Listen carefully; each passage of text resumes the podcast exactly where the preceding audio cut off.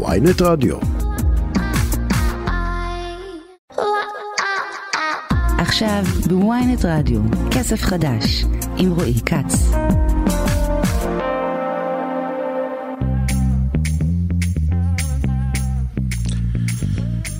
כסף חדש, הרצועה הכלכלית של ynet רדיו, שלום לכם, אחר צהריים טובים, אני רועי כץ ואתם על כסף חדש, שעה שלמה, כל מה שחשוב לכם לדעת על אה, כלכלה, על כסף ובעיקר על הכיס שלכם. דן רבן עורך אותנו היום, עמרי זינגר על הביצוע הטכני.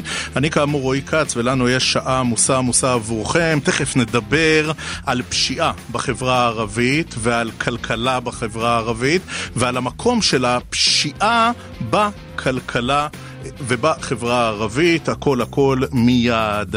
אה, נדבר על מחירי אה, דגים, נדבר על מחירי אה, שום, מפני שבמשרד האוצר מסירים מכסים על רוב סוגי הדגים שנמכרים בישראל, בדרך לביטול מכסים, ביטול כליל בתוך כשנתיים, אבל החקלאים, גם בשום, גם מגדלי השום וגם החקלאים שעוסקים בגידול דגים, אומרים זה יביא לחיסול תעשיית הדגים בישראל.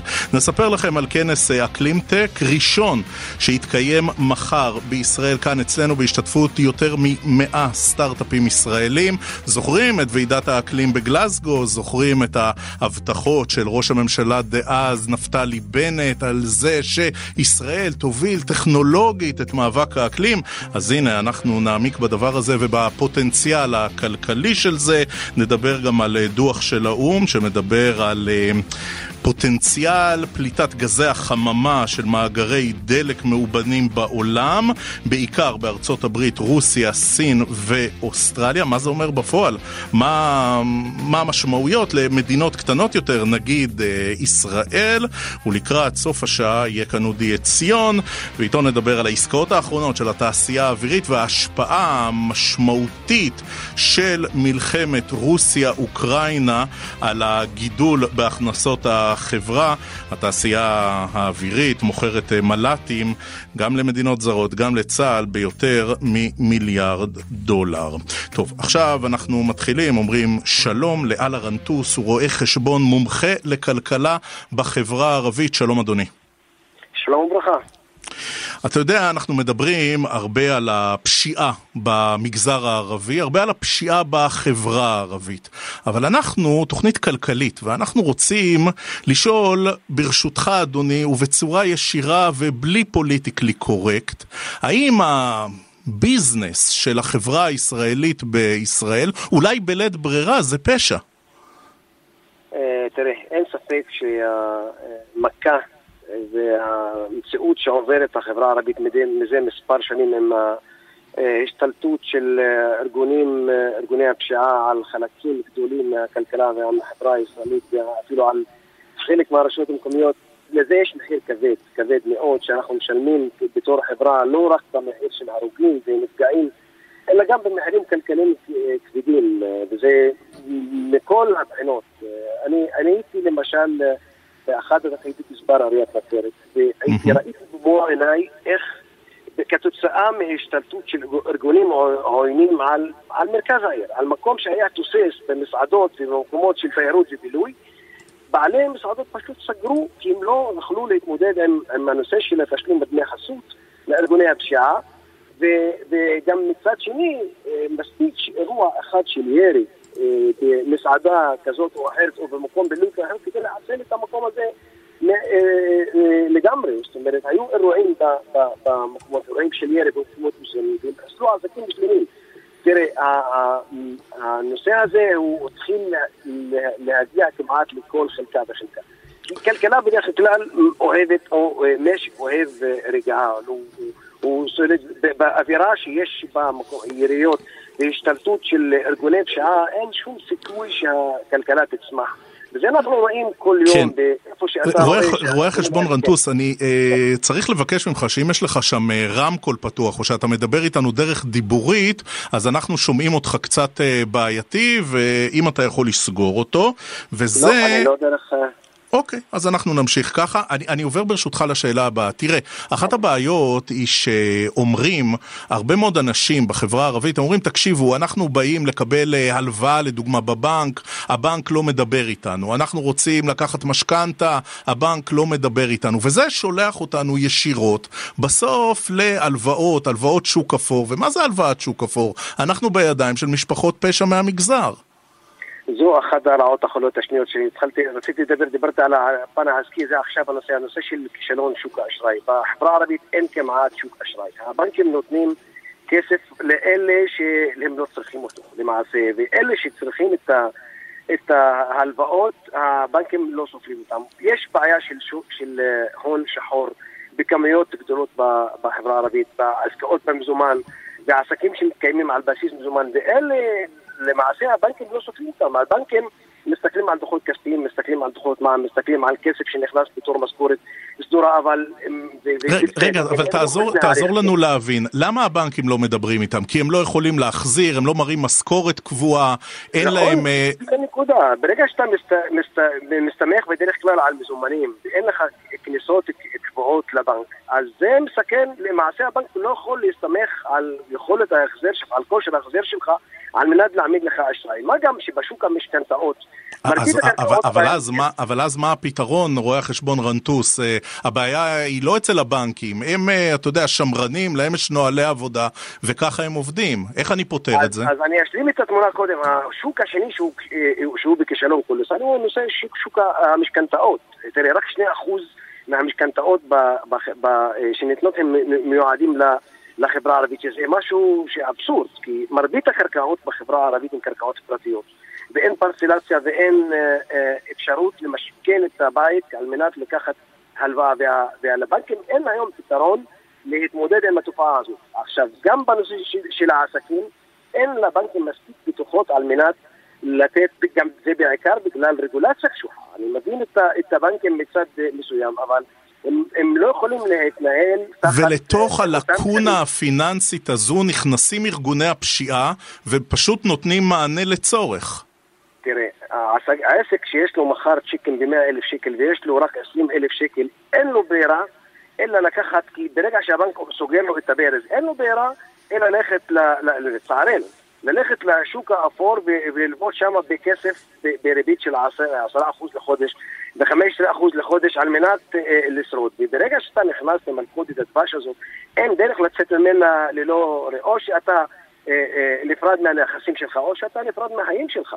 זאת לדעתי המציאות העצובה שהגענו אליה בשנים האחרונות, שארגוני הפשיעה הפכו להיות הבנק, הפכו להיות חברת הקבלן הגדולה במשק, הפכה להיות, הם השתלטו על עסקים גדולים, השתלטו על מסעדות, השתלטו על, אה, אה, על חנויות אופנה, השתלטו על כל מיני מקומות, ושלא נדבר על איפה מי שלא משתף פעולה איתם, אה, העסק שלו נשרף. אם אתה דורשים ממך... עד כמה, עד כמה לא ארגוני פשיעה השתלטו גם על, נקרא לזה ארגונים מדינתיים, נגיד שלטון מקומי, שמקבל מממשלת ישראל הרבה כסף, בטח אחרי ההישגים המשמעותיים של רע"מ בהישגי תקציב בשנה האחרונה, כמה כסף טוב של משלמי מיסים בישראל מגיע דרך רשויות מקומיות ומכרזים תפורים לארגוני פשיעה?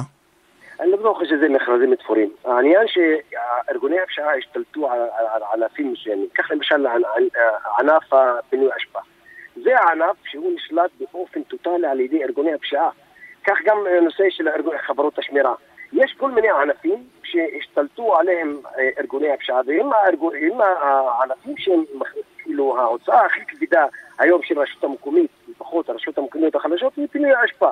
והשוק הזה נשלט באופן טוטאלי על ידי ארגוני, אה, אה, ארגוני הפשיעה. היום זה קרטל, אתה לא יכול... אז כשרשות, אז כשרשות מקומית ערבית לוקחת, אה, מפריטה בעצם, כן, או במיקור חוץ, לוקחת אה, אה, גוף עסקי שיפנה אשפה, זה בעצם, הכסף עובר ישירות לארגוני פשיעה. כמובן שאי אפשר תמיד להכליל, אבל זה שוק נגוע, וזה אחד הצינורות שמובילים אה, כסף ומזין את ארגוני הפשיעה. משרד הפנים מנסה לעשות סדר בנושא הזה, להעביר חלק מהמכרזים האלה לחברות ממשלתיות, אבל אני לא חושב שהפתרון שהם הביאו לשפוך את התינוק עם המים, להעביר את כל המכרזים למדינה. אז אם ככה, אז תבטלו את הרשויות המקומיות, מה הצורך בהם כדי להחזיק משכורת של ראש רשות בגזבר? כן. רואה חשבון אנה רנטוס. תעזור לנו רגע אה, להבין את הרזולוציות, את ההבדלים בין אזורים שונים בחברה הישראלית, אה, בחברה הערבית בישראל. אה, יש יפו, יש משולש, יש לוד, יש, הזכרת קודם, נצרת, מגזר בדואי. איפה אתה מזהה את הבעיה כחמורה במידה הרבה ביותר? תראה, אין, אה, אין מגזר ואין אזור שהוא נגוע יותר משהו. למשל באזור הנגב יש, יש את, את הבעיות שלהם, באזור המשולש הצפוני יש את הבעיות שלהם, באזור שלנו הצפוני, בכל אזור למרבית הצער יש כנופיה אחת גדולה שהיא, שהיא שולטת. המשטרה מכירה אותם, את הכנופיות האלה, אנחנו מכירים אותם, אנחנו בני המקום מכירים אותם. העניין שאתה רואה את אוזלת ידה של המשטרה. תראה, המדינה שהולכת בכוחות ביטחון שהולכים לאיראן, על פרסומים זרים כמובן, שמוציאים משם הקלטות של איפה קורה גרעין, ולא מצליחים לשים את היד על ראשים של ארגוני הפשיעה. זה משהו שהוא אבסורד. אני, אני לא מדבר פה כדי לקטר או כדי לזרוק את האשמה. אז רגע, תן לנו לפחות אה, להבין, השנה האחרונה שבה רע"מ, שבה מנסור עבאס היה בקואליציה, אמ, הממשלה הזאת עשתה משהו אחר? אתה מזהה שינוי לטובה בשנה האחרונה? היה שינוי לטובה. ראינו בתחילת השנה 2022, ראינו שיש הת, אה, התעוררות אה, של כוחות הביטחון, התעוררות במספר המעצרים, והייתה איזושהי דעיכה מסוימת ברמת הנרצחים, אבל אתה רואה גם במחצית השנה השנייה, הכמויות חזרו להיות למה שהיו מקודם, אה, אפילו מעבר למה, למה שהיה. תראה, אני, אני תמיד לוקח את סכנין כמדד. סכנין יש שדרה ראשית שהתפתחה בזכות שהיה שקט. העיר הזאת הייתה שקטה לאורך כל השנים. עד היום, אף אחד לא נרצח בסכנין. זו עיר גדולה יחסית למגזר, ויש שגרה כן. מסחרית. ברגע שאתה רואה כל יום, יש, לרבות אתמול בערב שנורו שניים ברחוב הראשי בסכנין, לא איזשהו סדקה. ואתה רואה איך הארגונים כבר אין להם, אין להם גבולות, כאילו כל מקום מותר להם להיכנס, ואתה רואה את אללה רנטוס, אני חייב, אני חייב לערב פה רגע איזה עניין פוליטי. הפירוק של הגוף הפוליטי, של הרשימה המשותפת, העובדה שירוצו שלוש מפלגות שונות, זה משנה בכלל? זה ישפיע בכלל על המאבק בפשיעה, גם בפשיעה הכלכלית במגזר הערבי? כמובן שיש לזה כל שתי, אה, שתי אספקטים. האספקט הראשון שהשיח שמתפתח היום בין שלוש המפלגות הערביות לבינן לבין עצמם, זה כשלעצמו מגיע לכדי אלימות.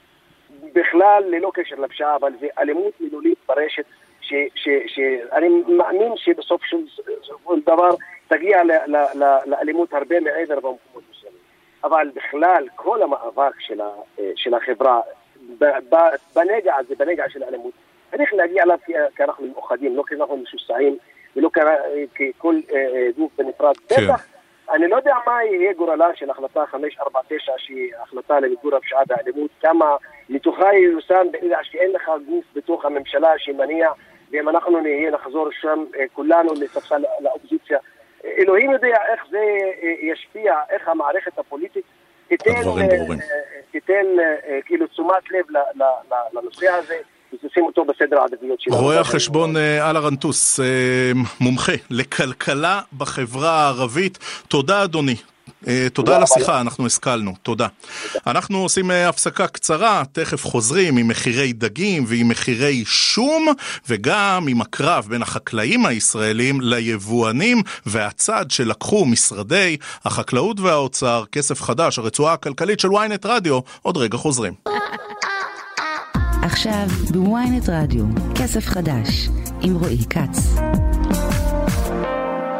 כסף חדש, הרצועה הכלכלית של ynet רדיו, חזרנו, תכף נדבר הרבה אקלים, הרבה טכנולוגיה, הרבה איך עושים כסף מטכנולוגיה שקשורה לאקלים טק, אבל אנחנו מתחילים עם חקלאות, חקלאות ישראלית, אחרי שמהבוקר הסירו את המכס על רוב סוגי הדגים שנמכרים בישראל, בדרך להסרה מוחלטת בתוך שנתיים. מצד שני, מגדלי הדגים בישראל, בעיקר בריכות, אבל לא רק, אומרים זה יביא לחיסול תעשייה. תעשיית הדגים בארץ. שלום מירב קריסטל, כתבת הצרכנות של ynet, שלום לך. שלום, שלום. טוב, זה קרב שכמה ישפיע בעצם על הכיס שלנו, כי אני רואה את uh, סדרי הגודל, אז uh, קילו דניס, הנחה של שניים וחצי שקלים, קילו לוקוס, שניים וחצי שקלים, לא סכומים גדולים פה. לא, לא סכומים גדולים, בטח כשאתה מביא, מביא המון סחורה. אה, וגם לא בטוח שמשתלם להביא דגים טריים, מצוננים כמובן. אה, אז זה באמת צריך לבדוק עם יבואנים כמה זה משתלם, כי בסופו של דבר, כשאתה רוצה לאכול דג, מאוד חשובה הטריות שלו. אפילו יותר מבשר, אני חושבת. אה, כי לדג יש, אתה יודע, כשהוא קצת מתחיל להריח זה נורא. אז קודם כל נשאלת השאלה אם יש לזה בכלל שוק, כי לדגים קפואים יש שוק מאוד גדול. מייבאים לארץ דגים קפואים וגם שם הורידו את המכס. אה, אז זו השאלה הראשונה, כי ברגע שאתה פותח שוק ואין מאיפה לייבא או שהייבוא קשה, נגיד למשל כמו קוטג' קוטג' בארץ מאוד טעים בעיניי לעומת חו"ל, אבל גם לייבא אותו זה יהיה מאוד קשה כי התוקף שלו נורא קצר. זה דבר ראשון שצריך לברר, לפני שמכריזים הכרזות פומפוזיות. אה, דבר שני, כן, תראה, בגדול, בדרך כלל היבואנים מגלגלים את, ה, את הפרס הזה שנותנים להם, כי המדינה נותנת להם פרס, לעצמם, לכיס שלהם. אם אני כצרכנית מוכנה לשלם הרבה על סלמון, אני לא ממש עוקבת אחרי הודעות אה, משרד האוצר והחקלאות והכלכלה, אז אה, אני לא כל כך יודעת שיורידו את המכס הזה, ואני אמשיך לשלם בערך את אותו מחיר. בסופו של דבר גם את המחיר הקמעונאים קובעים. אז יום אחד הוא ככה, יום אחר הוא ככה, אתה לא באמת יודע איך זה משפיע. זה לא התגלגלות של מדויקת. מה שכן אנחנו יודעים, מירב קריסטל, זה שמחירי הדגים בישראל יקרים מאוד. סדר גודל של 24% יותר מאשר מדינות OECD אחרות. ואז אתה אומר, קוראים אותנו. יכול להיות שצריך לברר מי בדיוק קורע אותנו, אבל לנו זה עולה המון. אה, נכון, גם בחלק מהדגים אה, התייקרו, נגיד סלמון התייקר מאוד מאוד מאוד, אבל זו התייקרות שהייתה בעולם לדעתי. זאת אומרת, זה לא איזו התייקרות של אה, גחמה, אלא פשוט באמת המחירים של הסלמון בעולם עלו מאוד. כמובן שהחברות תמיד יכולות, היבואנים הגדולים שאנחנו מכירים אותם, למשל חברת נט או חברה אדירה בהיקפי היבוא שלה, יכולים להרוויח טיפה פחות, אבל את זה הם לא יעשו, אז הם תמיד יגלגלו את זה לצרכן. ברגע ש... וזה עוד דבר אגב, שברגע שיש עליות מחיר בעולם, אז גם מגלגלים את זה לצרכן. אבל לגבי המחירים בארץ, קודם כל המחירים בארץ זה דבר ראשון מה שהצרכנים מוכנים לשלם. ודבר שני, אה, אני חושבת שאנחנו פשוט שוק קטן ושוק של אי. קשה מאוד להשוות אותנו נגיד לאיחוד האירופי, ששם אתה יכול, אם אין לך גישה לים, אז אתה יכול לייבא ממדינה אחרת באיחוד לא, אבל, אבל, פה יש, אבל, פה יש בריכ, אבל פה יש בריכות דגים ב, אה, בעמק בית שאן או אה, סמוך ל... בריכות מעולות, החקלאות בארץ היא מהיעילות בעולם, אז למה זה כל כך יקר? אבל זה יקר. השטח הוא קטן. לא צריך לייבא, אין, אין, פה, אין פה תובלה לא ואין פה שום דבר. אבל, אבל השטח הוא קטן. כמה? תסתכל, תסתכל על, ה, על מחירי הדיור, אין פה איפה לגור. הכל כאילו מכוסה בטון, אנחנו בקושי מצליחים לשלוט כאן, אז מה בין מחירי הדיור אבל למחירי הדגים, מירב? כי אין פה שטח. ברגע שיש שטחים אדירים של גידולי דגים... אולי כדאי לבנות על בריכות הדגים. אם אתה מוכן שיגדילו את בריכות הדגים על חשבון כל מיני דברים אחרים כמו שטח לדיור, פארקים, אה, שטחי טבע, שדות, אז סבבה, אבל המדינה שלנו היא קטנה מבחינת שטח. וברגע שהיא קטנה מבחינת שטח, אז ברור שגם גידול הדגים הוא מצומצם. עכשיו, יש גם את דגי הים, אבל אתה יודע, יש בעיה עם דייג מהים, יש גם עניינים אקולוגיים. דגי בריכות זה הדבר היותר אקולוגי, אבל גם איתו יש בעיה, כי יש אה, דייג בכלובים, יש כל מיני סוגיות גם אתיות. כן. עכשיו, הרבה פעמים כשאנחנו מדברים על מחירים נמוכים בעולם, אנחנו שוכחים דבר מאוד מאוד חשוב. כמה משלמים לעובדים האלה, נגיד בדרום אמריקה זה נורא זול. באפריקה זה נורא זול, אתה יודע, כמה משלמים לעובדים האלה שאתה משנע, נגיד דיברתי לאחרונה על האננס, באירופה מוכרים אננס בשני יורו, ביורו. כמה משלמים לעובדים האלה במדינות עולם שלישי כדי לקטוף את האננס, שזה עולה רק שני יורו, להטיס את זה חצי תבל? גם זה משהו שצריך לקרות, לא? נכון, לא אבל זה דיון אחר. זה דיון אחר, כי כשאני קונה נעלי נייקיס ב-60 דולר, אני גם יכול לשאול כמה שילמו לילדים בסדנאות היזע נכון. בווייטנאם. נכון, גם זה שואלים, אבל בישראל אין ייצור של נייקי. ישראל יש חקלאות, וכל מדינות העולם, כולל ארה"ב, מגנות על החקלאות שלהם, בין אם על ידי מכסים ובין אם בדרכים אחרות עוקפות מכסים. אה, אפילו ארצות הברית משמידה תירס כשיש לה עודף, כי היא לא רוצה שהמחיר יהיה נמוך מדי. אם אנחנו רגע מדברים על מכסים וחקלאות, בואי כן. נדבר ברשותך על uh, המכס, על שום שהוסר, והשום הסיני שמשתלט על השוק. עכשיו, את, uh, בכתבה שמתפרסמת הבוקר בעיתון, בעיתון ידיעות אחרונות, את נותנת בהם סימנים, את אומרת גם איך לזהות את השום הסיני המולבן, שנראה ממש כזה כמו פרסומת, אל מול השום הישראלי שנראה קצת... קצת יותר כמו, הד... כמו הדבר האמיתי. איפה הבעיה ברכישת שום סיני, ולמה החקלאים הישראלים כל כך מזדעקים על זה? טוב, קודם כל, מי שרוצה לקנות שום סיני מוזמן, אתה יודע, כל אחד שיקנה מה שבא לו, זה דבר ראשון. Okay. אה, לא אוקיי. שיש לנו איזה משהו, איזה אג'נדה נגד שום סיני ספציפית, אבל נתחיל בעניין הבריאותי, כמו שאמרת, הוא מולבן, הוא מולבן באמצעים כימיים, והטעם שלו פחות טעים, תשאל כל מסעדן ירקן, יש לו פחות טעם. באיזשהו אופן, הוא פשוט פחות עז טעם. ואז החקלאים טוענים שיש בו פחות את החומר הפעיל הזה, שהוא עכשיו, אתה יודע, שום נחשב מין אנטיביוטיקה טבעית, אתה צריך יותר שום כדי לקבל את ה, את ה, גם את החומר הזה וגם את הטעם. אבל בוא נניח שבסדר, אני מוכנה להתפשר על הטעם כדי לקנות יותר בזול. מה, אני, מה מסתבר? אמנם קשה עכשיו למצוא שום ישראלי, כי השום הסיני די משתלט, וגם באמת מחסלים פה את הגידולים, אבל כשאתה קונה את השום הסיני, אתה מגלה שהוא עדיין יותר יקר, למרות שהורידו את המכס, ולמרות שאני די בטוחה אה, שבסין די זול לגדל, לגדל שום, ואני רואה, ואני עושה גוגל ואני רואה את מחירי השום בבורס, בבורסות הסחורות, אז אני מגלה שזה עולה פחות מדולר לייבא את זה וליבואנים זה עולה להביא את זה לארץ איזה חמישה שקלים, אולי הם מוסיפים על כל מיני עלויות. טוב, ברור שהם מרוויחים כסף, אם הם לא היו מרוויחים כסף הם לא היו עושים את זה. אם עולה לך חמישה שקלים לקילו להביא שום, ואתה מוכר את זה בחמישה שקלים לצרכן על 200 גרם, כמה אתה מרוויח? אבל אם, אם, השום אם השום הישראלי הוא יותר טוב, יותר עז טעם ויותר אה, מלא בטעם וריח, הנה הקמפיין. השום שלנו יותר טעים, תקנו את שלנו. כן, מי, אבל איפה אתה מוצא אותו? אני נגיד חיפשתי, הרשתות הפסיקו לקנות אותו. לפחות אלה הגדולות, יכול להיות שיש רשתות שהן יותר ענינות טעם, אז הפסיקו לקנות אותו, ובירקניות מוצאים אותו, אבל אם אה, היו, פר, היו פה 8,000 דונם והם יצמצמו את הגידולים ל-1,500, אז יהיה לך פחות שום ישראלי. למה, מירב ש... קריסטל, זה חשוב לי, לך ולמאזינים שלנו, שיהיה שום ישראלי? למה זה צריך לעניין אותנו? קודם כל הוא יותר זול, אז לא ברור מה, למה הורידו, כאילו הורידו מכס והשום הסיני הוא לא הוא לא זול יותר. זה דבר ראשון. זה דבר ראשון שהצרכן צריך לשים לב אליו. לא, אבל, אבל אם הוא היה יותר זול בחנויות, אנחנו כולנו היינו קונים אותו. אם הוא היה גם יותר טעים וגם יותר זול, היינו לא, קונים אותו. לא, ממש לא. אתה קונה מה שנותנים לך. זה לא נכון. אתה קונה מה ששופרסל מביאה לך. אתה לא אומר, אוי, איפה השום הישראלי? אתה קונה מה ששופרסל מביאה לך. שום זה לא קוקה קולה. שאתה תגיד, רגע, אני רוצה את הקולה שלי. איפה קולה? אני אוהב קוקה קולה.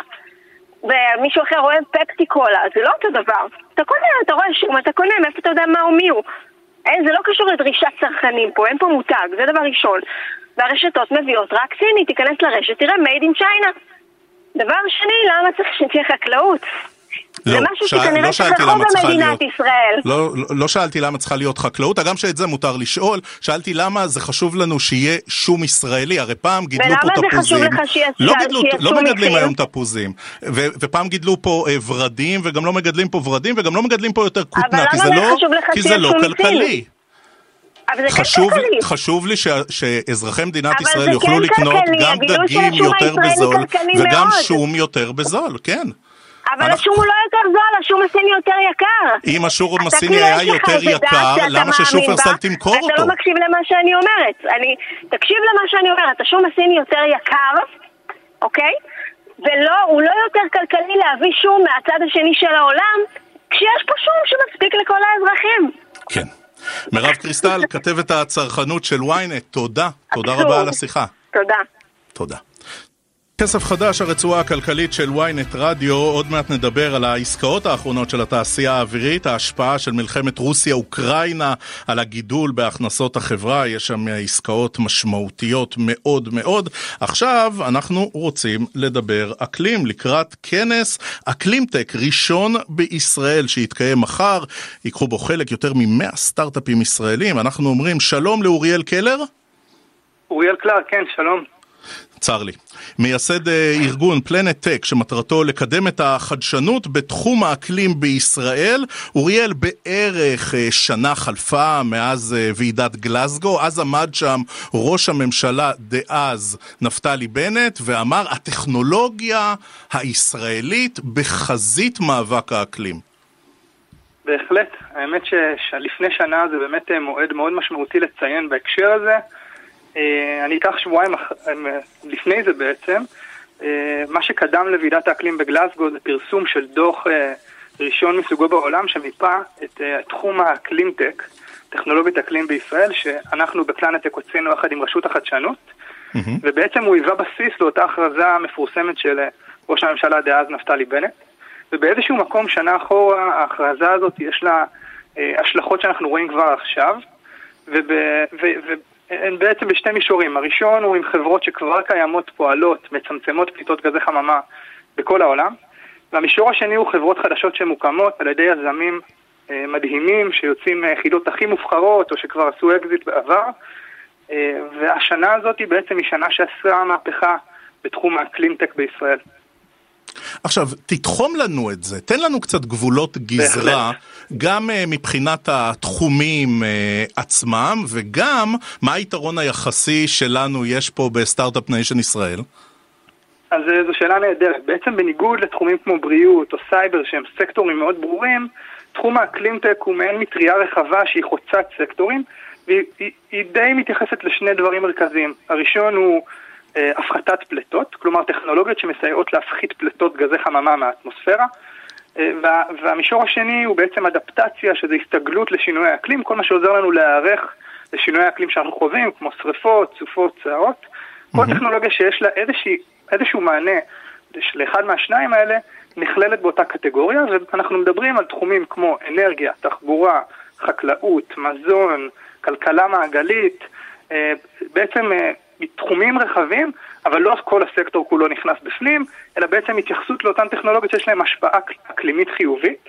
רגע, אה, וש... אה, אנחנו קצת נבהלים אה, מחלק מהבאזוורדס, תן לנו את זה ברגע במוצרים קונקרטיים, דוגמאות, אתה יודע, שיוצגו מחר בכנס. מעולה, ואני חושב שזה אחלה הזדמנות. חברה אחת מאוד מעניינת שנקראת UBQ Materials, חברה שלוקחת פסולת ביתית, חיתולים, בננות, וכל פסולת אחרת שאתם יכולים לחשוב, ובעצם בתהליך מיוחד שהם פיתחו, הם הופכים את החומר הזה לחומר הירוק ביותר בעולם, שבעצם בעזרתו ניתן אה, להפוך את חומרים היומיומיים שאנחנו משתמשים בהם לחומרים בעלי פליטות שליליות. הם עובדים עם מרצדס, עם מקדונלדס ודקטלון, ומחר בכנס שהזכרת... רגע, ל- ל- לאיזה חומר הם הופכים את זה, ברשותך? הם, כן, הם הופכים את זה לחומר טרמופלסטי, שבעצם מהווה תחליף לפלסטיק. אה, בהיבט הזה בעצם יודעים לצמצם את השימוש בפלסטיק באופן משמעותי. רגע, רגע, רגע, תן לנו להבין. גם חיתולים צועים וגם בננות או קליפות בננות, זה הופך לחמו, לחומר טרמופלסטי?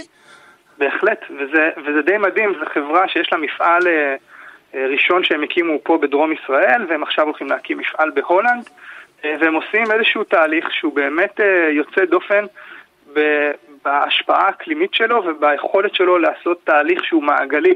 בעצם לקחת פסולת ולהפוך אותה לחומר שניתן להשתמש בו אה, במקום פלסטיק, תחליף לפלסטיק, זה לא פחות ממהפכני. עכשיו, אה, אוריאל, דוגמה... אוריאל קלר, תן לנו רגע בכל זאת אה, מילה גם על הכנס וגם על הזיקה הכלכלית שלו. זאת אומרת, מה התפקיד אה, שלך, של הארגון כמובן, של הכנס מחר, לחבר טכנולוגיה לכסף, לממש פוטנציאל, לעניין משקיעים? מעולה, אז אני, אז אני אתן מילה גם על, גם על הארגון שלנו וגם על הכנס. אז אנחנו ארגון ללא מטרות רווח, אה, שכל מטרתו היא לחבר את ההייטק הישראלי לתחום האקלים, בעיקר כי מדובר על ההזדמנות העסקית הכי גדולה שקיימת כיום. אה, no question about it. זה, זה הדבר הכי ברור כרגע לכל מי שעוסק בתחום ההייטק, שתחום האקלים אה, הוא התחום הכי חם. מעבר לזה שאנחנו רוצים לדאוג לעתיד של הילדים שלנו, גם יש פה הזדמנות עסקית אמיתית. עכשיו, הכנס הזה ספציפית הוא כנס שיגיעו אליו 1,500 אנשים מישראל ומהעולם, כולל קרנות הון הסיכון הכי גדולות בעולם בתחום האקלים, שמחפשות אקטיבית חברות ישראליות להשקיע בהן. אה, בתוך הכנס הזה אנחנו גם אה, נזכה לראות 100 סטארט-אפים שיציגו את הטכנולוגיות שלהם בתערוכה. Mm-hmm. גם יש במות עם תוכן, ובעצם זה כנס ה climate tech, האקלימטק הראשון בישראל, באיזשהו מקום גם הראשון בעולם, בגלל הקורונה לא היה אפשרות לעשות כנסים אה, בינלאומיים כאלה עם הרבה משתתפים, והכנס הזה מתקיים במרכז רבין, אה, והולך להיות אה, מאוד מעניין. במסגרת כן. הכנס הזה, דרך אגב, יש לנו הכרזה על המשלחת הישראלית לוועידת האקלים של האו"ם, השנה זה קורה בשארם א-שייח, עשרה סטארט-אפים שייבחרו, וההיבט הכלכלי כאן אני חושב שהוא מאוד משמעותי, ואני אתן מילה שנייה על איפה החברות האלה לוקחות חלק, אז יש 700 סטארט-אפים בארץ בתחום האקלימטק. שנה שעברה הם גייסו 2.5 מיליארד דולר, שזו שנת שיא מבחינת גיוסים. או, וואו. וואו. בשנה הקודמת, אותה שנה של ה-2.5, אנחנו מדברים רק על 10% מסך היקף הגיוסים בהייטק שהגיעו לחברות בתחום האקלים. אוריאל קלר, אנחנו אה, מתקדמים ברעיון ואני חייב להכניס עוד שאלה אחת. הזכרת שארם א-שייח, הזכרת ישראל, בוא נדבר desert tech, בוא נדבר טכנולוגיית אקלים מדברי, דברים שהם, אתה יודע, מטבע הדברים קרובים כאן אצלנו. כמה הם יבואו לידי ביטוי מחר בכנס? אז בהחלט טכנולוגיות שמתייחסות לשטח מדברי ולתנאי אקלים מדבריים נקודת חוזקה של ישראל, גם בגלל התנאים האקלימיים שיש לנו כאן וגם בגלל הטכנולוגיות שפותחו, יש לנו מרחב, מרחב גדול של טכנולוגיות גם בעולמות המים, גם בעולמות החקלאות המדברית, שיש להם פוטנציאל ליישום רחב גם בישראל, זה פשוט, אבל גם באזור שלנו, פה אצל השכנות שלנו, ולצערנו, אם להגיד את האמת, גם באזורים אחרים שהופכים להיות מדבריים יותר ויותר, כן. כך שבעצם שארם א-שייח היא איזושהי נקודה נהדרת להדגים את אותן טכנולוגיות אה, מדבר, שיכולות לסייע למדינות שנמצאות במצוקת מים, או שצריכות לגדל מזון בתנאים אקלימיים שמעולם לא חוו לפני כן.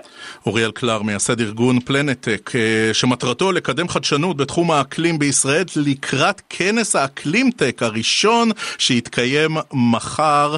תודה, תודה רבה, השכלנו. תודה רבה, להתראות. טוב, אנחנו כמו תמיד בכסף חדש הרצועה הכלכלית של ynet רדיו לא רק מדברים אלא גם רוצים ללמוד ורוצים להנגיש ורוצים עוד ידע, את זה אנחנו עושים בעזרתו של דן רבן והיום על הריבית. ועכשיו, משהו לא מובן? מושג אחד ביום עם דן רבן. מהי ריבית? כמעט כולנו מכירים את המונח ריבית. אם אנחנו לוקחים הלוואה, הריבית התוספת שאנחנו משלמים על הסכום שלקחנו בתמורה לזכות להשתמש בכסף. כאשר אנחנו מפקידים פיקדון בבנק למשל, הבנק ישלם לנו ריבית על הזכות להשתמש בכסף שלנו. מונח נוסף שאולי שמעתם בהקשר זה הוא ריבית דריבית, שמתאר את הריבית המצטברת. כלומר, זו שמחושבת גם על הקרן שהופקדה, וגם על ריבית שהצטברה בה עד כה. לרוב מבחינים בין ריבית קבועה למשתנה. כשמה כן היא, ריבית קבועה נקבעת מראש ונשארת כך לאורך כל תקופת ההלוואה. מנגד, ריבית משתנה עשויה לרדת או לעלות, לרוב בשל הצמדתה לריבית הנקבעת על ידי גוף חיצוני, כמו בנק ישראל, או למדד המחירים לצרכן. מהריבית הבסיסית במשק, אותה קובע כאמור בנק ישראל, נגזרת גם ריבית הפריים, שהיא הריבית הבסיסית פלוס 1.5%. שיעור ריבית זה משמש לתמחור של עסקאות בנקאיות שונות, כדוגמת הלוואות, פקדונות ועסקאות אשראי.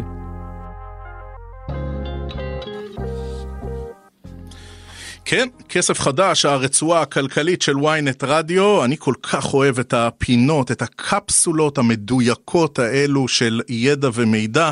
תודה לדן רבן על הפינה הזו שעסקה בריבית. עכשיו אנחנו נשארים ירוקים ירוקים, עוד מהאייטם הקודם. שלום לכתבת הסביבה, לכתבת בעלי חיים בוויינט, שלום נועה פישר. שלום. דוח בדיקה של האו"ם אה, מגלה שמעגלי אה, דלק מאובנים בעולם מכילים שלושה וחצי טריליון טונות גזי חממה ואיך נאמר יש מדינות שיש להם יותר מלאחרים, הברית, רוסיה, סין ואוסטרליה. נועה, מה המשמעות עבורנו? אה, תראה, זו משמעות אה, בלתי נתפסת. כאילו, כלומר, הכמות הזאת היא, מטורפת. הכמות היא שלושה וחצי טריליון טונות של גזי חממה. אה, זאת כמות שהיא בעצם הרבה יותר גדולה מהכמות של הפחמן שאפשר לפלוט כדי להגביל את ההתחממות האחת וחצי מעלות, שזה בעצם כמות המעלות שהתחייבו עליה בהסכם פריז ב-2015. אה, אז לצורך פרופורציות, כדי לעמוד בהתחייבויות האלו, ולא להגיע לעלייה הזאת, באו"ם אומרים שאנחנו צריכים להגיע ל... 360 מיליארד טונות של, של, של גזי חממה, או תשע שנים של כמות הפליטה היום. כלומר שזה כמות לא נורמליות המאגרים שיש. עכשיו, אם אנחנו מדברים על uh, ההתחממות של מה, סדר גודל של uh, קצת פחות ממעלה נקודה שתיים, צלזיוס כמובן, מאז כן. המהפכה התעשייתית, מה הפוטנציאל של uh, ההתחממות פה?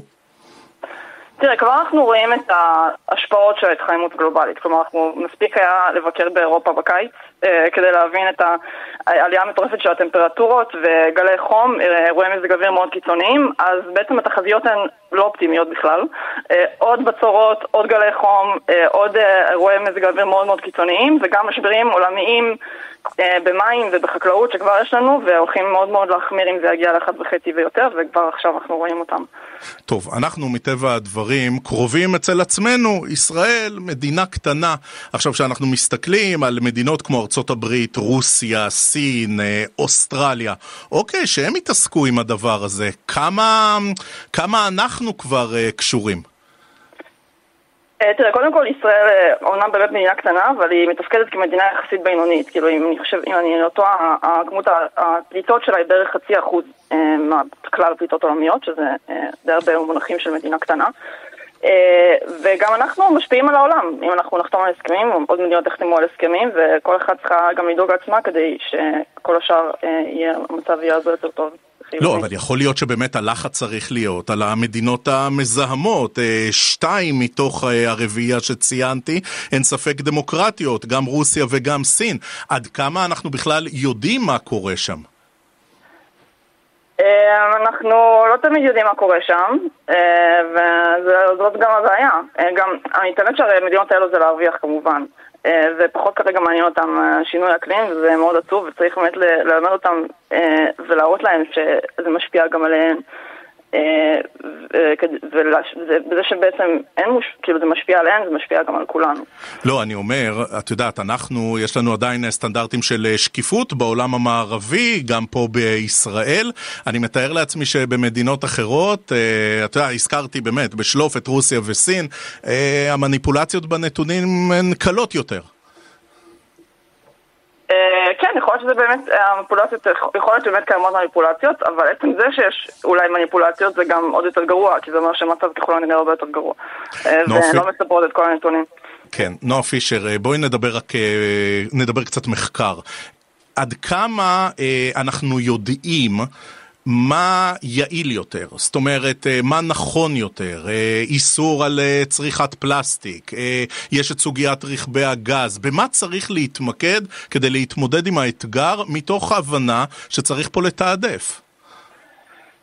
Uh, כרגע העיסוק אני, העיקרי הוא בעצם בפליטות של המדינות הגדולות. uh, ובעצם ההסכמים האלו מנסים להגביל כמה שיותר את הפליטות האלו כי הן בעצם uh, עיקר הפליטות. אבל כמובן שהפליטות האלו הם גם, כאילו מדובר על, הרבה מאוד סקטורים, מדובר גם, אני אסתכל גם בעלי חיים, מדובר גם על תעשייה מן החי, מדובר גם על פליטות של מכוניות אבל גם נגיד לצורך העניין פליטות של מכוניות, קידום שימוש ברכבים חשמליים יכול לעזור, ותעשייה מן החי, אז אה, צריכה פחות בשר יכולה לסייע. אז כאילו זה בעצם מערך מאוד גדול, וההתמקדות, אני חושבת שצריך באמת אה, לעסוק בכמה שיותר לדבר עם המדינות ולראות מה אפשר לעשות כדי למזער את הנזקים. נועה פישר, כתבת סביבה, בעלי חיים בוויינט, תודה, תודה רבה שהצטרפת אלינו לשידור, תודה נועה. תודה רבה לך. תכף נדבר על העסקאות האחרונות של התעשייה האווירית וההשפעה של המלחמה ברוסיה-אוקראינה על הגידול בהכנסות החברה. עושים הפסקה מוזיקלית קצרה ומיד ממשיכים. כסף חדש, הרצועה הכלכלית של ynet רדיו, נפריע שם לפיטר רוט עם המחווה הזאת לשמואל צ'יזיק. אנחנו רוצים לספר לכם שמלחמות איומות מייצרות ביזנס מעולה, בין היתר גם המלחמה בין רוסיה ואוקראינה מאז פברואר השנה. אומרים שלום לאודי עציון, כתב ynet וידיעות אחרונות. שלום רועי. טוב, אז הנתונים, אודי, של uh, התעשייה האווירית מלמדים שכן, כשיש uh, ביקוש, יש היצע. נכון. המלחמות uh, מגבירות את הצורך ובעיקר גם משחררות תקציבים גם אצל מדינות שבכלל לא קרובות לזירה באוקראינה. Uh, כולם מרגישים צורך uh, להתחמש ולהצטייד. אז בואו נדבר על התעשייה האווירית. אנחנו חושפים שהתעשייה האווירית סיכמה בשבועות האחרונים על שתי עסקאות ענק בתחום המטוסים הלא מאוישים. אי אפשר לפרט הרבה על העסקאות האלה מטעמי צנזורה, אבל אפשר להגיד שהן יחד מסתכמות בכמיליארד דולר, גם עם מדינה זרה וגם עוד עסקה עם משרד הביטחון. הכל בתחום המל"טים, שאנחנו רואים שעובדים מאוד מאוד בצורה משמעותית במלחמה באוקראינה, וכל הצבאות מסביב מסתכלים ומפיקים לקחים, והפוליטיקאים משחררים להם כסף. אז מה, זה בעצם העניין שייצר העימות הצבאי חסר התקדים בתקופה הזו, כן? בין רוסיה ואוקראינה, ואז מדינות, יכול להיות מדינות קרובות, מדינות רחוקות, זה לא משנה כרגע, אומרות, אה, אה, כזה אני רוצה? אתה יודע, הגנרלים תמיד יש להם רעיונות וצרכים. והפוליטיקאים שחוששים אם מצבים כמו אוקראינה יגיעו אליהם, איך הם מצטיידים לקראת. ואנחנו רואים שבאוקראינה אחד הדברים שמאוד עזרו לה להתמודד מול רוסיה, שאין ספק שהיא כוח צבאי הרבה יותר חזק, היה המל"טים התוקפים שלה שהם רכשו מטורקיה. והצליחו להחליף את חיל האוויר שלה שהוא קטן ומאוד נחות לעומת חיל האוויר הרוסי. לתקוף טנקים וסולות תותחים ומערכות נ"מ רוסיות. ואז מדינות שעוד לא הצטיידו במערכות כאלה אומרות אולי גם אנחנו צריכים. טוב, בוא נדבר קצת כסף, קצת כלכלה. כמה זה משמעותי למדינה מבחינת הכנסות כשהתעשייה האווירית מוכרת ב... בשתי העסקאות האלה בהערכה במיליארד דולר? תראה, א', זה מדובר בעבודה ישירה פה אה, בישראל, עובדים ישראלים אה, שייצרו את, ה... את הכלים האלה, וגם בדרך כלל כוללות גם תמיכה עשרות שנים אה, קדימה. וצריך לזכור גם שהתעשייה האווירית היא חברה ממשלתית, הרווחים שלה הולכים לבעלי המניות שלה, שזה המדינה. עכשיו, סליחה על הציניות, אודי, אני מתנצל מראש, אבל המלחמה בין אוקראינה לרוסיה הייתה מלחמה מאוד מצולמת, מאוד uh, מתועדת, כזאת שבאה לידי ביטוי בכלי התקשורת. זה בניגוד לכמה מלחמות איומות שמתחוללות בעולם, שבאמת אף אחד לא מסקר אותן. כמה הדבר הזה הביא לדיבור, וכמה הדבר הזה באמת uh, תרם להשפעה של uh, העימות בין uh, פוטין לזלנסקי על המכירות של התעשייה האווירית? לא רק תעשייה אווירית, כל התחום של הדיפנס, של התעשיות הביטחוניות ברחבי העולם נמצא בזינוק בשנתיים האחרונות. ברור שברגע שאנחנו רואים מלחמה שנמצאת במקומות שדומים לבית שלנו, לא באיזה מדבר בין כוחות שאנחנו לא כל כך מכירים ומבינים מי נגד מי, עושה את ההבדל. הם מאוד מרגישים הזדהות וגם חשש. אנחנו רואים את כל אירופה היום רצה להתחמש. גרמניה, שמאז מלחמת העולם השנייה מאוד מאוד נזהרת מהשקעות ביטחוניות, הכריזה על השקעה של 100 מיליארד יורו. שגם חלק ממנה יגיע לתעשייה האווירית ולתעשיות הישראליות. כל העולם רץ להתחמש וגם צריך לזכור שיש מתוחיות שלא קשורות לאוקראינה. אנחנו רואים אותם באזור אסיה סביב סין, אנחנו רואים פה שכנות של איראן, וכולן מציידות וחלקן עושות את זה בישראל. טוב, אנחנו התרכזנו בשיחה בדקות האחרונות בעיקר בתעשייה האווירית. איך זה ביחס לחברות דיפנס, תעשיות ביטחוניות אחרות בישראל, נגיד רפאל לשם הדוגמה? Yeah. כל התעשיות הישראליות הציגו תוצאות שיא בדוחות שלהם ב-2021. ההערכה היא ש-22 תהיה שנה עוד יותר טובה. גם כאן, לא כל העסקאות אפשר לדווח, אבל כן אפשר להגיד שהסכמי אברהם פתחו שוק שנשמע די דמיוני עד היום של מדינות ערב שרוכשות, או מדינות במפרט שרוכשות נשק ישראלי. בשבילנו שפחות uh, מכירים ופחות שולטים, מה התעשייה האווירית בעיקר מוכרת, מה רפאל בעיקר מוכרת, מה, מה ההבדלים גם מבחינת היקפי פעילות, אפילו מספרי עובדים אם מותר לציין. תראה, קודם כל להגיד גם שיש חברה שלישית שזה אלביט שהיא חברה פרטית, mm-hmm. וגם בהיקפים היא דומה לתעשייה אווירית. רפאל היא קצת יותר קטנה מהם.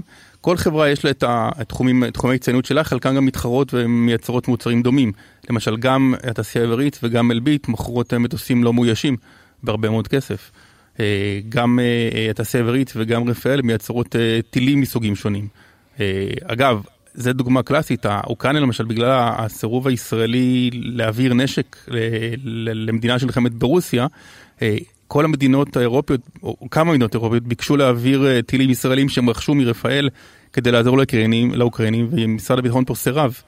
אז הטיל הישראלי דווקא שיכול לקבל עוד תדמית ועוד באטל פרובן, תדמית שמאוד חשובה למכירות, לא קיבל את זה ודווקא מתחרים שלו קיבלו. תמיד אפשר להחליף את המדבקה על הטיל. בסוף אנחנו יודעים.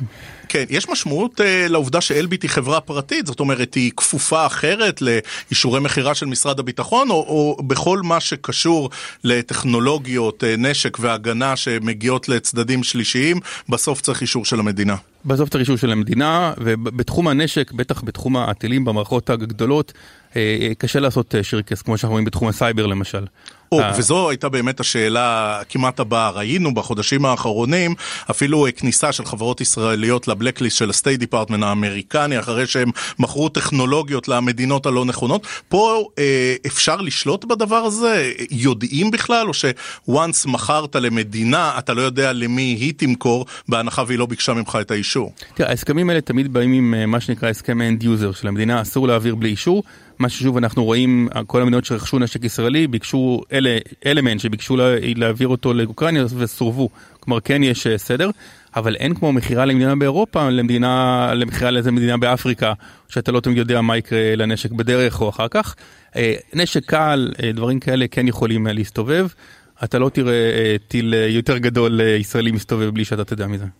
יש משמעות לממשלת ישראל, למדיניות שלה, בכל מה שקשור? זאת אומרת, יש שרי ביטחון שהם אה, קצת יותר מקפידים, ושרי ביטחון שהם קצת יותר מאפשרים, או שלא משנה כל כך איזה פוליטיקאי יושב במשרד הביטחון שלנו כשר ביטחון, הביזנס מתנהל תמיד אותו הדבר. הביזנס הוא, הוא נעשה תחת דילמה שמטרידה גם שר ביטחון וגם את המערכת שמסביבם, מה אפשר למכור. כי בסוף מצד אחד רוצים למכור א' כי זה מכניס כסף לחברות ישראליות ומיסים למדינה, זה גם uh, משחרר כסף לפתח את הדורות הבאים של כלי הנשק שישראל צריכה עבור צרכיה. מצד שני תמיד יש חשש שכלי נשק כזה ייפלו למקומות שאנחנו לא רוצים. ראינו כבר מוצרים שנקראו לטורקיה ויש הערכה שהאיראנים קיבלו uh, הצצה אליהם. ראינו אחרי המהפכה האיראנית ב-79, שהרבה אז ישראל מכרה נשק לאיראן עד המהפכה. ואחר כך ראינו את חיילי צה"ל בלבנון חוטפים אה, אה, אה, פגזים של סולטם. אז לכן החשש הזה מאוד מאוד נמצא כרגע כעת מול העיניים של משרד הביטחון, בעיקר במכירה למדינות ברית אברהם, לראות מה אפשר למכור. ישראל, כמו כל מדינה אחרת בעולם, לא מוכרת את הדברים הכי מתוחכמים והכי חדים שיש לה, גם מטעמי סודיות וסיווג. אודי, שאלה אחרונה, אה, ראינו אה, את ישראל נכנסת לקלאש גם עם הסינים, גם עם ארצות הברית על אה, מכירות נשק בעבר, סדר גודל של 20 שנה. השוק הזה, שהוא שוק אירופאי, הוא שוק הרבה יותר קרוב אלינו, והוא גם שוק שלא כל כך מסתבכים בו עם ענקית כמו סין. נכון, ומצד שני האירופים אה, בעשורים האחרונים מאוד מאוד רידדו את התעשיות הביטחוניות שלהם. אה, אחד הדברים שטראמפ צדק בהם כשהוא צעק על האירופים להתחיל להשקיע בתעשיות ביטחוניות. כי הם במשך שנים בנו על אמריקאים שיממנו להם את כל מה שהם צריכים, ולאמריקאים קצת נמאס. אה, אז עכשיו אנחנו רואים שהם מתחילים להשקיע ברכש, והם פונים למי, ש, למי שזמין ויכול אה, למכור להם, גם להעביר ידע. גרמניה היא דוגמה מצוינת, מדינה מבחינת כל תחום אחר, אה, רכב, אלקטרוניקה מאוד מאוד חזקה, תעשייה כבדה. דווקא בתחום הביטחוני, הם, הם רכשו מאיתנו טילים נגד טנקים, הם רכשו מאיתנו מטוסים ללא טייס. עכשיו יש אה, משא ומתן לרכישת מערכת החץ, להגנה, הם חוששים מטילים אה, רוסיים. כן. טוב, אז uh, הנה, הבדלנות האמריקנית והמלחמה uh, אצל המדינות השכנות באירופה, לפחות לתעשיות הביטחוניות של ישראל, עושה במקרה הזה רק טוב. אודי עציון, כתב ynet, כתב ידיעות אחרונות, תודה, תודה רבה. להתראות. אנחנו מסכמים את כסף חדש, הרצועה הכלכלית של ynet ליום שלישי. נגיד תודה לדן רבן שערך, לעמית זק שהיה על הביצוע הטכני. מיד אחריי, כאן בוויינט רדיו, דודו ארז, יואב רבינוביץ', מחר יהיה כאן צחי שדה. אנחנו ניפגש בשנה העברית החדשה. המשך האזנה נעימה. שנה טובה לכם.